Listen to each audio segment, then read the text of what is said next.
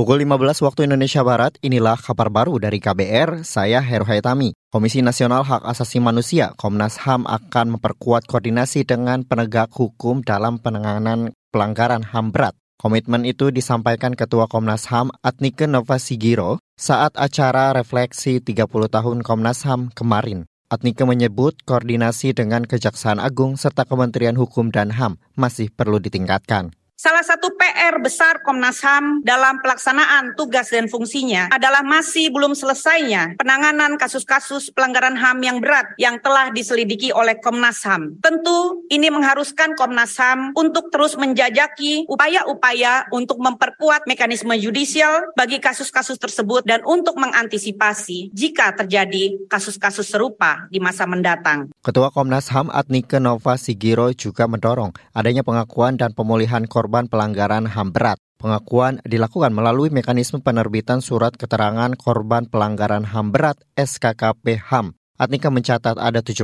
kasus yang diselidiki dan disimpulkan menjadi pelanggaran HAM berat, namun hanya empat kasus yang disidangkan melalui pengadilan HAM. Kita ke informasi pemilu. Kabar pemilu. Perkumpulan untuk Pemilu dan Demokrasi Perludem menilai kredibilitas Komisi Pemilihan Umum KPU telah rusak usai menerbitkan sejumlah aturan janggal.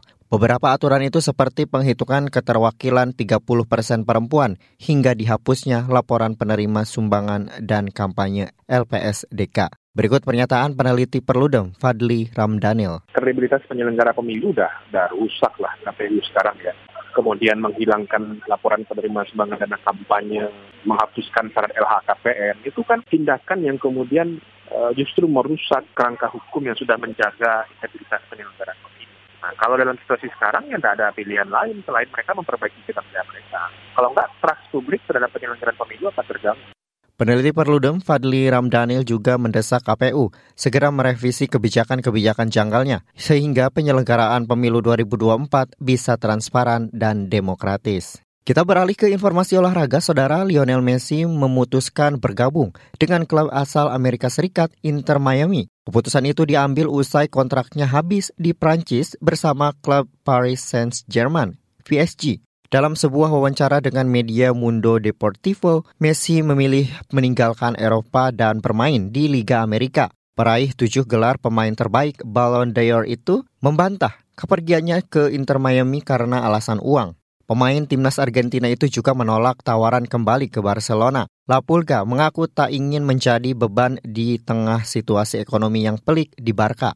Meski begitu, Messi menyatakan masih merindukan Camp Nou. Saat ini belum ada status resmi terkait durasi kontrak di Inter Miami. Klub milik David Beckham itu baru mengumumkan bergabungnya Messi melalui akun media sosial resmi mereka di Instagram. Saudara, demikian kabar baru dari KBR, saya Heru Hitami. Salam.